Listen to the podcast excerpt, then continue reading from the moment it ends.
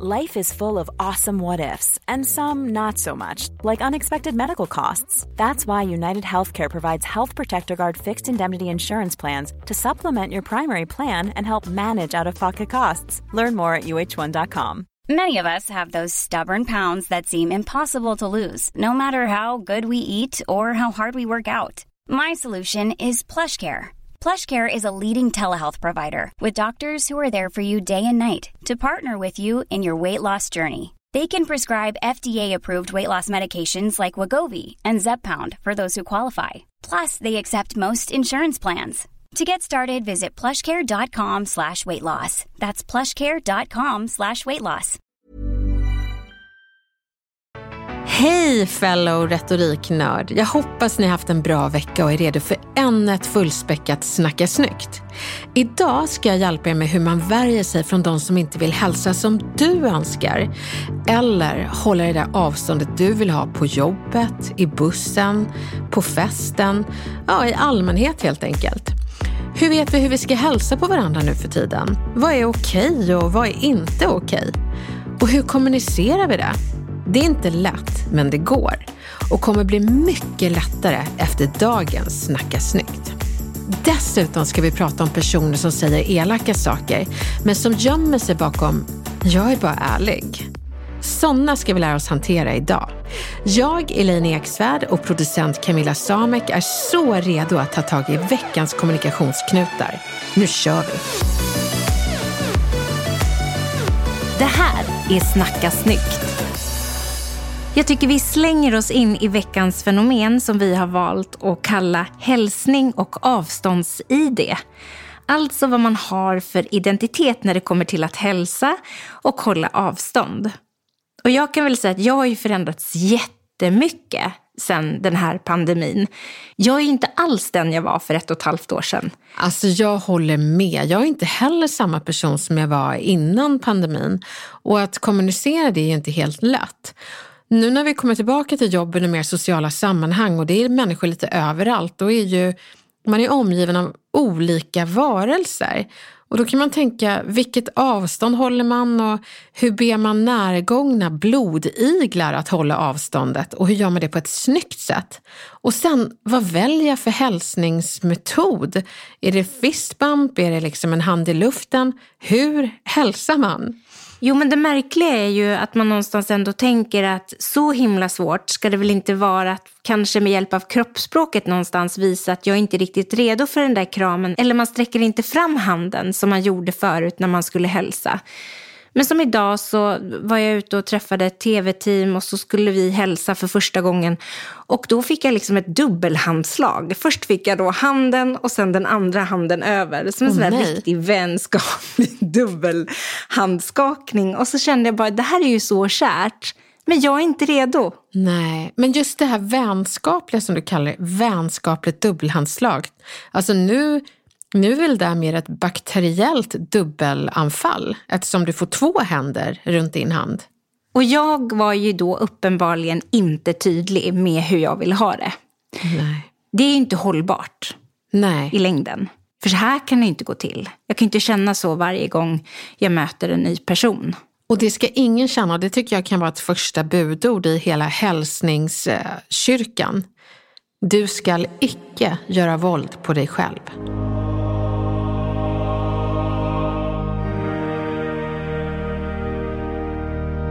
Men Camilla, för att liksom eh, komma underfund med hur man ska liksom sätta snygga gränser så kan det vara väldigt bra att backa bandet. Så jag tänker att vi ska titta lite på hur man gjorde förr i tiden. Då man gjorde som den här så kallade vänskapliga kollegan, men som jag tycker är mer bakteriellskaplig. Alltså vänta nu här, när du säger förr i tiden, då menar du för cirka ett och ett halvt år sedan? Ja. Eller? Ja. Mm.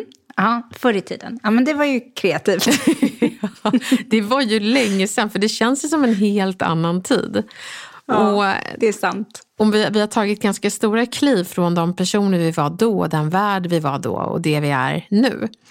Hur det där första handtrycket också blev första intrycket. Och jag vet inte om du minns de här olika handslagen vi hade och hur de kändes. Så jag tänker att vi, vi minns tillsammans. Döda fisken. Det är den där handen som blivit manglad eller alternativt masserad och känner sig riktigt avslappnad när den lägger sig lite slött i din hand. Det är så det känns.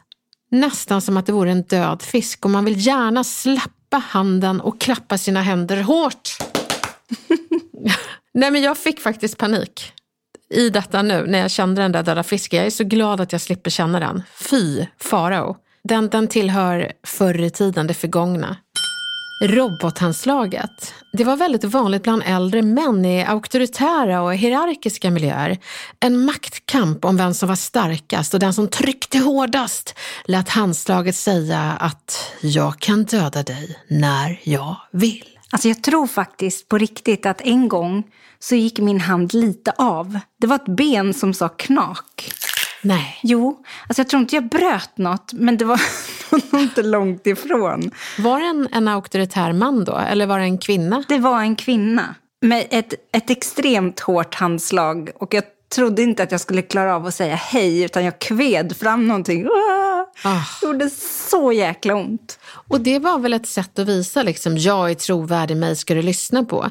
Men nu är det ju dels att det gör ont, men att det också känns som att man trycker in sina bakterier ända in i cellerna hos den som man hälsar på. Så robothandslaget kommer vi inte att få känna igen. Nej, förhoppningsvis inte. Shake it, shake it. Det var de som tog din hand och aldrig släppte den. De höll kvar den och skakade medan de påbörjade konversationen. Och den som hade lite dålig koordination hade ju svårt att få fram orden. Det var som att sjunga och hålla koll på dansstegen samtidigt. Testa bara nu, prata och skaka handen i luften så får du se hur svårt det är. Men det är också så att man lyssnar ju inte heller klart för det enda man tänker är när ska du sluta skaka? Ja, det, är liksom, ja, det blir som en början på en dans. En jättekonstig dans. You're going down. Det är den som vrider din hand så att hens handflata är över din. Det dominanta handslaget. När det drabbade mig så brukade jag faktiskt vrida tillbaka så att man möttes på mitten. Och då blev alltid de man hälsade på lite osäkra. Men jag tyckte ändå att det var fint att mötas där i mitten.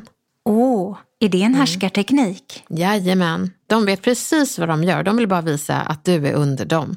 Till och med djur gör så för att visa dominans, tassarna över dig. Då vet du liksom din hierarkiska plats och den är under min tass. Och nu går ju typ det inte att göra längre. Nej, det är borta. Så då är lite frågan, hur gör man hur, hur, skulle man göra den här dominanta armbågen då? Går det ens en gång? Vi är precis i, i, i uh, begynnelsen av nya hälsningar. Men innan vi går på dagens hälsningar så måste vi ändå prata om kramarna också. För då ger man ju sig in i eh, personens andedräkt, saker man inte tänkte på förut. Men jag tror att det var någon som visade hur, eh, liksom, hur vi andas och hur mycket den hänger kvar runt oss, andningen. Och eh, färglade andningen och andnings, andedräkten. Så när du lägger din kropp mot en annans kropp så lägger du också ditt huvud i dens andedräkt. Jag måste bara fråga dig, ja. håller du andan mer än vanligt nu? Ja, så fort jag går förbi någon i butiken. Jag med! Alltså jag håller andan så mycket. Ja. Det är inte klokt. Det, nej, det är inte klokt. Och det är väl det man får göra om det är någon som attackerar han med en kram. Fast det tänker jag att det, det, ska man inte behöva göra utan det är bättre att ta ett andetag och förklara ens hälsningsidentitet. Det kommer vi till snart. För att man vill ju inte heller vara den här otrevliga personen. Och man vill inte heller att de ska känna att de har gjort något fel. Nej, men det är också det falska dilemmat som man hamnar i. Nämligen, ska jag göra våld på mig själv eller ska jag säga nej på ett otrevligt sätt och avvisa personen? Och det här är inte alternativen, det finns sätt att göra det här snyggt. Men vi ska gå tillbaka till hur det var innan det distanserade 20-talet landade i vårt knä.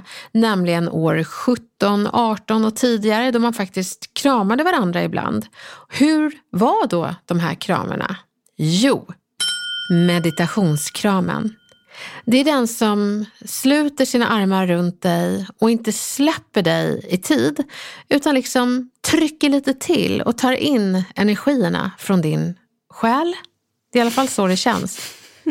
För man står ju kvar där lite tvångsmässigt. Bara, snart så, så släpper de mig. Nej, gjorde hon inte. Nej, står jag lite till då. Så. Sen har vi tre klappar på ryggen. Det är oftast män som kramar män. Som hänger fast för liksom glatta livet i gamla mansnormer. Är man man så kramas inte man. Tror man. De som kramar med könen. De liksom skopar upp könen i kramen omedvetet när de böjer sig och blir som ett U och liksom sträcker sig fram. Det är, armarna kommer före huvudet. Huvudet kupar sig liksom ner mellan axlarna och så kommer knänen före och så könet däremellan och så närmar man sig varandra och så ofrivilligt så bara oj, så möts könen bara oj, backar. Ja. Det är ingen lång kram men det är en cringe-kram kan man säga. Den kommer inte jag sakna. Nej, vi, vi klarar inte lika mycket social stimulans som tidigare. Och inte lika mycket bakterier heller för den delen. Och då är det så himla bra att vi har nya hälsningsmetoder. Och jag skulle nog säga att de egentligen är fyra stycken som nu dominerar i det nya moderna hälsningslandskapet. Så nu ska vi kika på de här fyra hälsningsidentiteterna men också hitta sätt att kommunicera ditt avstånds-ID. Bakterieslagen. Jaha, vad är det för sorts eh, hälsningsmetod? Jo, det är precis det Camilla nämnde, att folk fortfarande ger handslaget. Och jag har märkt att folk faktiskt går in i gamla mönster och langar över sin bakterietäckta hand och sluter din hand i den. Och det är ganska svårt att värja sig mot den gesten. Men jag tycker ändå att är du obekväm så ska du förmedla din avståndsidentitet. Och då gör du så här. Sträck upp handen i luften, le och säg hej. Det är kul att se dig. Och då får den där personen låta sin bakterieslag hänga kvar i luften. Du slätar över den eh, stämningen med ditt glada leende och orden “Det är kul att se dig”. Point taken, tänker den andra. Nästa hälsningsmetod, armbågen. Det är när den andra kommer flygandes med sin armbåge och försöker eh, liksom sikta mot din armbåge. Ambitionen är att man ska minska bakteriefloran när man hälsar så. Men det är ganska ineffektivt eftersom avståndet blir närmare när man möts med armbågarna och ofta så nyser man just i armvecket. Så eh, det blir en liten basilfusion i den här eh, armbågshälsningen. Jag har märkt också att de coola, de hälsar inte riktigt med armbågen. Utan drar man fram armbågen så tittar de lite så här, jaha, ja ja, är du en sån? Så det är spännande att se att det finns olika positiva eller negativa eh, känslor till varje hälsning. Jag hänger inte med i vad som är coolt och inte. det här är ju bara i sin linda. Men eh, vissa tycker att det är okult med armbåge. Att det är så 2020. Nu kommer en till hälsningsmetod. Armarna pekar neråt. Det är sådana som kommer till dig och allt som rör sig är deras ben. Armarna pekar liksom demonstrativt rakt ner mot golvet och så nickar de lite sådär eh, frenetiskt. Den är ganska ny men också intressant. De vill inte ha någon kroppskontakt utan det blir liksom som en eh, sorts eh, lågmäld version av Riverdance. Um, väldigt, väldigt eh, underhållande. Hälsningsmetod nummer fyra, fistbump. Om du hälsar med en fistbump så minskar risken att smitta andra betydligt enligt en brittisk studie. Så här stod det till exempel i SVT Nyheter. Att låta knogarna krocka lätt med knuten hand, det vill säga en fistbump, är ett mer hygieniskt alternativ till den traditionella handskakningen. Det visar en studie från universitetet i Wales enligt flera internationella nyhetsbyråer. Forskarna och universitetsläraren David Whitworth genomförde ett experiment där man hälsade med en vanlig handskakning, high five och knogkrock, alltså fistbump. En person bar en handske täckt med bakterier medan den andra bar en steriliserad handske. Efter varje hälsning mättes hur mycket bakterier som hade överförts till den rena handen. Och resultatet visar att bara en tiondel så många bakterier överfördes med en knogkrock jämfört med en handskakning. Den du! Så jag tycker fistbump, det är ändå en keeper. Men, men, men Camilla, för att få ner de här extra 10 procenten så finns det faktiskt en ännu bättre hälsning. Vill du höra vilken? Gärna. Le, vinka med handen i luften, lägg samma hand på hjärtat. Voila! Jag tycker bara att det är så svårt när någon redan har sträckt fram handen. Då är det nästan lättare att göra en fistbump av det. Att man liksom bara knyter handen och... Ja, då är det bara 10 procents risk att du blir smittad med någonting.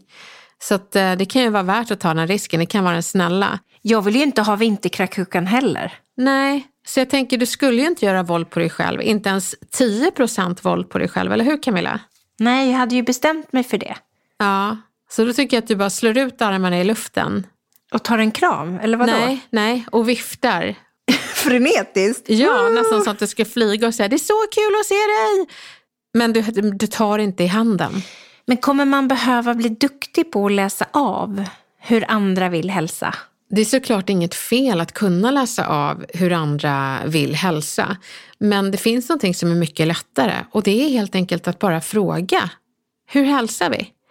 Och att ställa den frågan är ju bra när man själv är öppen för olika hälsningsmetoder. Men är man själv så att man föredrar att bara vinka i luften, le och lägga handen på hjärtat, ja men då är det väldigt viktigt att man kan kommunicera ut sin avståndsidentitet. Som då Lisa gjorde som, som jobbade hos oss, att hon sa redan i början att jag är ingen kramare.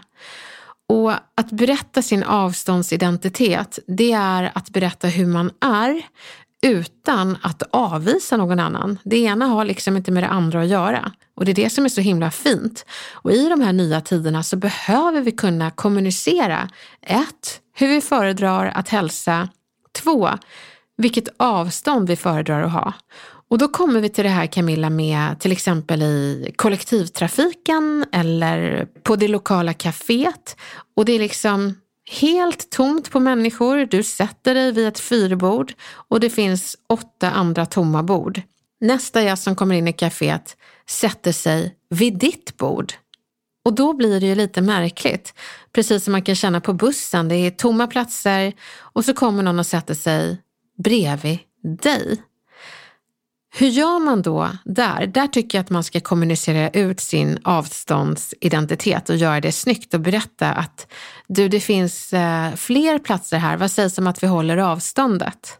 Sen tycker jag att det blir mycket svårare om det inte finns så många fler platser men att man ändå inte riktigt är redo att sitta bredvid någon. Har man rätt att säga till då? Jag tror nog ändå att man behöver berätta att eh, jag har fortfarande lite mm, behov av avstånd så jag ställer mig upp. Eh, ha en trevlig resa. Så att, så att inte personen tror att du tycker att hen luktar illa eller något sånt där. Då blir det ändå trevligt.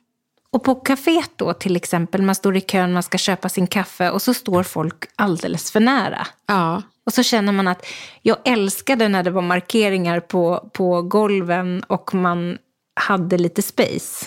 Då tycker jag att man kan titta bak mot personen och säga, kan vi hålla lite större avstånd bara? Går det bra? Men bara man gör det önskande och inte klagande. Och det är någonting vi har pratat om i podden, att klagar man då är det så här, varför står du så nära? Men att önska det och säga, du, kan vi hålla lite avstånd, är det okej? Okay? Det blir en annan ton i det. Så det är klart att man ska få önska istället för att ha någons andedräkt i nacken. Och på festen då? Man har ändå kommit till en, ett socialt sammanhang. Man är ändå redo att gå på fest. Men man kanske inte är redo att kramas med alla och stå nära alla. Man kanske vill göra det lite light ja. till en början. Men det fina är att alla som har varit obekväma med kramar och för nära avstånd nu, nu har vi faktiskt landat på en mer förstående planet. Så det blir inte konstigt att du backar lite. Folk har varit med om det i snart två år. Så du kan backa lite och le. Du kan eh, värja handslagen med att bara hålla upp handen och le. Trevligt att träffas.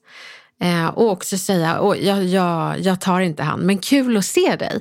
Så det handlar ju om att man berättar ens avståndsidentitet men avslutar med trevligt att se dig. För det har vi sagt många gånger i podden, nämligen att det är inte bara inledning utan avslutet som blir eftersmaken. Så ett effektivt sätt att eh, kommunicera sin avståndsidentitet. Det är att berätta vilket avstånd man önskar men sen avsluta med det är väldigt trevligt att träffa dig. Hur var din dag? Och ett leende. Då blir det eftersmaken, det vill säga att du säger det var kul att träffa dig eller det är kul att träffa dig istället för det är kul att träffa dig, jag tar inte hand. Känner du skillnaden Camilla på liksom eftersmaken där? Stor skillnad. Ja. Så börja med avståndet och avsluta med Kul att se dig! Vet du vad jag kom på nu att jag gillar som variant till kramen? Vad är det? Som jag kanske själv har gjort någon gång och känt att men den känns lagom för mig nu. Det är att jag går, inte jättenära men ganska nära och så tar jag min ena hand på personens arm och klappar lite lätt. Och smetar av dina bakterier? Ja, alltså på en tröja eller en jacka. Nej men Camilla, skämt åsido så tycker jag det är en jättebra hälsning för det blir ändå en beröring men inte kroppsberöring utan vi har ett tyg däremellan. Safe, säkert och lite värme. Vad ska vi kalla den då? Jag tror vi kallar den klapp på arm-tygshälsningen. För det är viktigt att det är tyg däremellan. För annars blir det ju bara eh, bakterieslaget. Perfekt. Nu har ju du hunnit fundera på vad du har för hälsnings och avståndsidentitet. Och då måste jag bara säga grattis, för du har gjort halva jobbet. Det som återstår nu, det är att också kommunicera din hälsnings och avståndsidentitet. Och att inte vara obekväm i det. Tänk inte, ska jag göra våld på mig själv? Eller ska jag säga nej skarpt? Det här är ett falskt dilemma, utan du kan bara berätta hur du önskar hälsa och vad du önskar för avstånd. Och vet du, gör det med ett leende.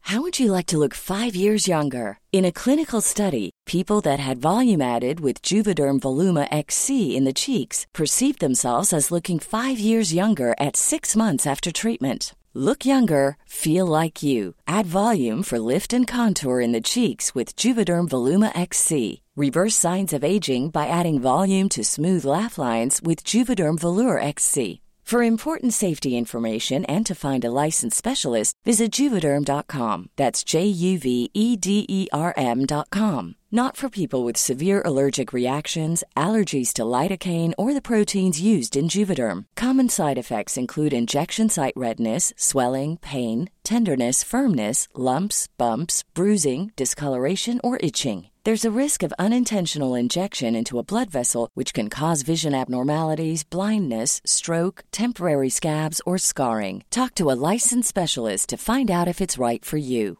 I'm Sandra, and I'm just the professional your small business was looking for. But you didn't hire me because you didn't use LinkedIn jobs. LinkedIn has professionals you can't find anywhere else, including those who aren't actively looking for a new job but might be open to the perfect role, like me.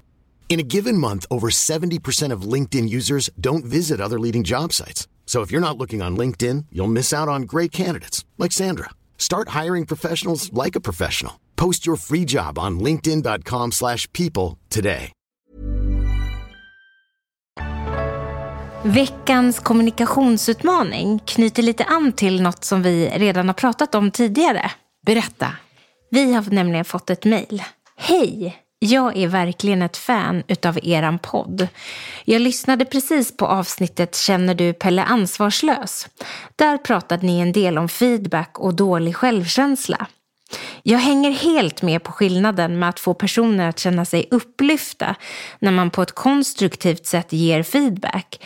Men jag saknar svar på hur man på ett snyggt sätt ger feedback till en person med låg självkänsla när det berör personens beteende. Hur lämnar man feedback om att en person inte är rak och ärlig utan istället elak? Och hur gör man när personen har dålig självkänsla och inte är mottaglig för den sortens feedback? Jag hoppas att ni vill lyfta detta i podden då det kan ställa till en hel del. Tack för alla grymma tips. Ni är guld. Åh, jag blir så glad. Jag älskar komplimanger. Camilla. Man blir jätteglad. Tack. Tack snälla. Och sen tycker jag att det är en sån himla bra fråga och så kul att du spinner vidare på något som vi pratat om tidigare. Den här personen som du tar upp är ju den som tror att all feedback går an, bara den är ärlig. Och det är inte alltid så kul när det liksom blir brasklappen för att bete sig hur som helst. Jag har ju tidigare pratat om personlighetstyper, ni vet de här färgerna som, som förvisso har blivit lite kritiserat som fenomen. Men jag tycker ändå att de här färgerna är bra när man ska ha en förståelse för att vi pratar olika. Och för att ge en snabb recap så är blå personer introverta tänkande och de vill förstå saker och ting. Det präglar liksom deras kommunikation. De kan ställa många frågor och misstas för att vara negativa. De gula, som är motsatsfärgen till blå, de är extroverta kännande och de vill ha uppmärksamhet.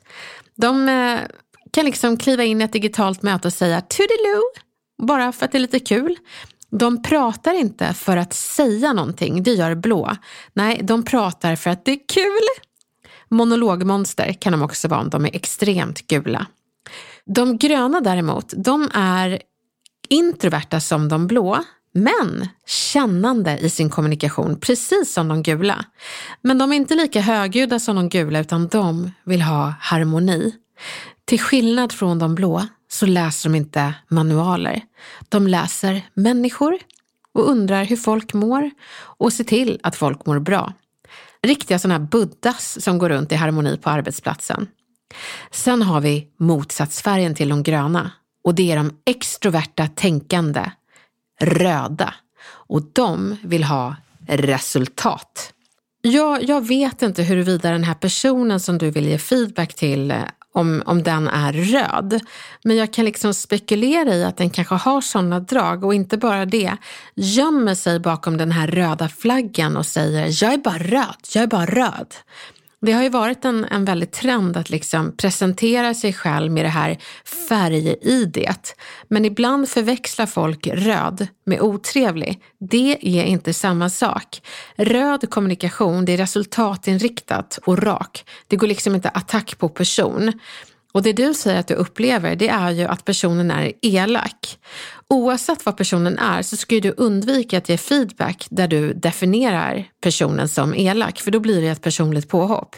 Utan det du istället ska göra, det är att säga, du säger ibland att du är rak och ärlig, men jag måste säga att det landar inte så hos mig, utan det landar faktiskt lite elakt. Jag tror inte att det är din intention, men jag vill ändå berätta att det är så det känns. Det gör lite ont.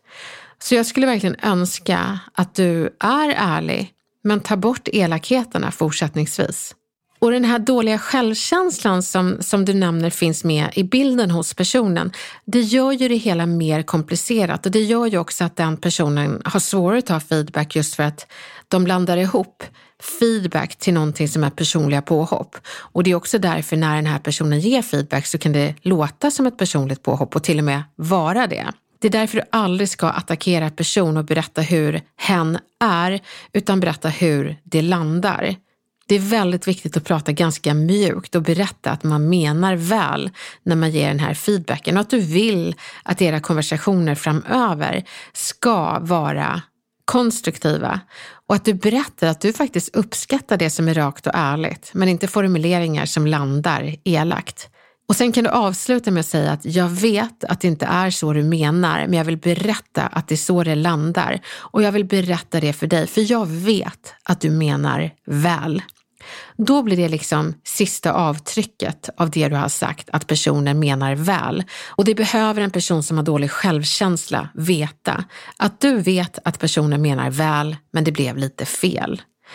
Jag hoppas verkligen det går bra när du ger feedback på att rak och ärlig, det är inte samma sak som elak.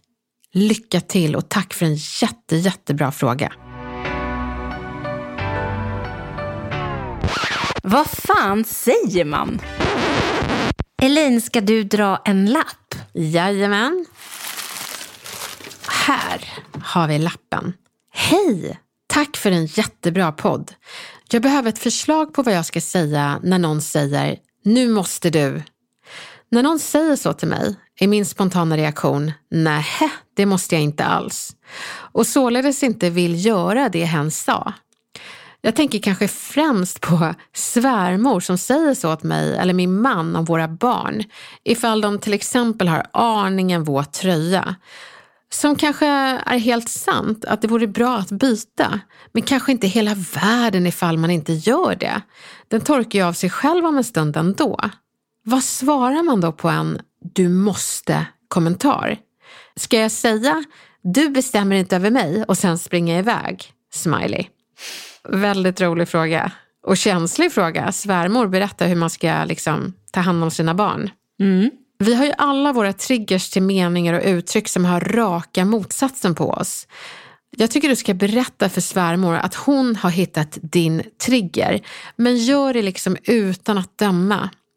Du kan säga jag svarar inte så bra på formuleringar som du måste, för det låter befallande i mina öron och jag vet att du bara vill dina barnbarn väl. Men när du säger så, då känns det som att du tror att jag vill mina barn illa. Jag tror inte att det är så du menar, men jag vill bara berätta att det är faktiskt så det landar hos mig. Så ska du börja meningen. Sen ska du vägleda henne och berätta hur du vill att hon ska säga saker istället. Och då är det viktigt att du har en retorik som önskar istället för att klaga. Och det är bara du som har svaret på hur du vill bli tilltalad när det kommer till vägledning om dina barn. Att be henne att hålla tyst är inte ett alternativ, för det är att be henne att sluta uttrycka omsorg till sina barnbarn. Så be henne att prata på ett sätt som du önskar istället. Och det är inte lätt med svärmödrar alla gånger, men jag tänker att istället för att samla på dig massa irritation och låta henne göra bort sig omedvetet flera gånger tills du kanske exploderar, så är det bättre att du säger till i början. Nu kanske det har gått lång tid, men det är bättre att du ger henne en chans att sluta göra bort sig fortsättningsvis. Och ehm, jag tror faktiskt att det här är ganska harmlöst. Jag är rätt säker på att det kommer gå bra. Bara du vågar sätta dina gränser och önska ett sätt hon pratar till dig. En jättebra fråga och jag tror väldigt många kan relatera till den. Så gå ut där och prata med svärmor så får ni en helt annan kommunikation. Då hon visar omsorg till sina barnbarn utan att döma dig som förälder. Och det gör hon såklart inte. Hon gör det bara i sina uttryck. Det kommer gå bra. Lycka till! Fina lyssnare. Jag hoppas verkligen att ni känner att ni förstår skillnaden på att vara bara ärlig och bara elak. Och att du också vet vad du ska säga för att önska en annan ton i framtiden. Men också att du känner att du kan kommunicera vilken hälsnings och avståndsidentitet du har. Och som alltid, Skicka in alla era tankar och funderingar. Vi älskar att vara era retoriktips i bakfickan som ni kan plocka fram när ni vill. Jag hoppas att er vecka går strålande. Träna flitigt på minst en av era utmaningar. Det är enda sättet att bli bättre på. Och så hörs vi snart igen.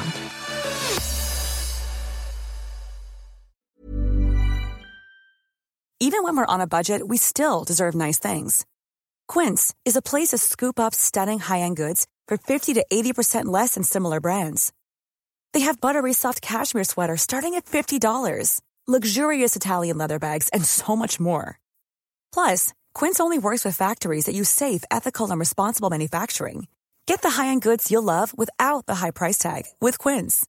Go to quince.com/style for free shipping and 365-day returns. Need new glasses or want a fresh new style? Warby Parker has you covered. Glasses start at just 95 bucks, including anti-reflective, scratch-resistant prescription lenses that block 100% of UV rays. Every frame's designed in-house with a huge selection of styles for every face shape. And with Warby Parker's free home try-on program, you can order five pairs to try at home for free. Shipping is free both ways too. Go to warbyparker.com slash covered to try five pairs of frames at home for free. warbyparker.com slash covered.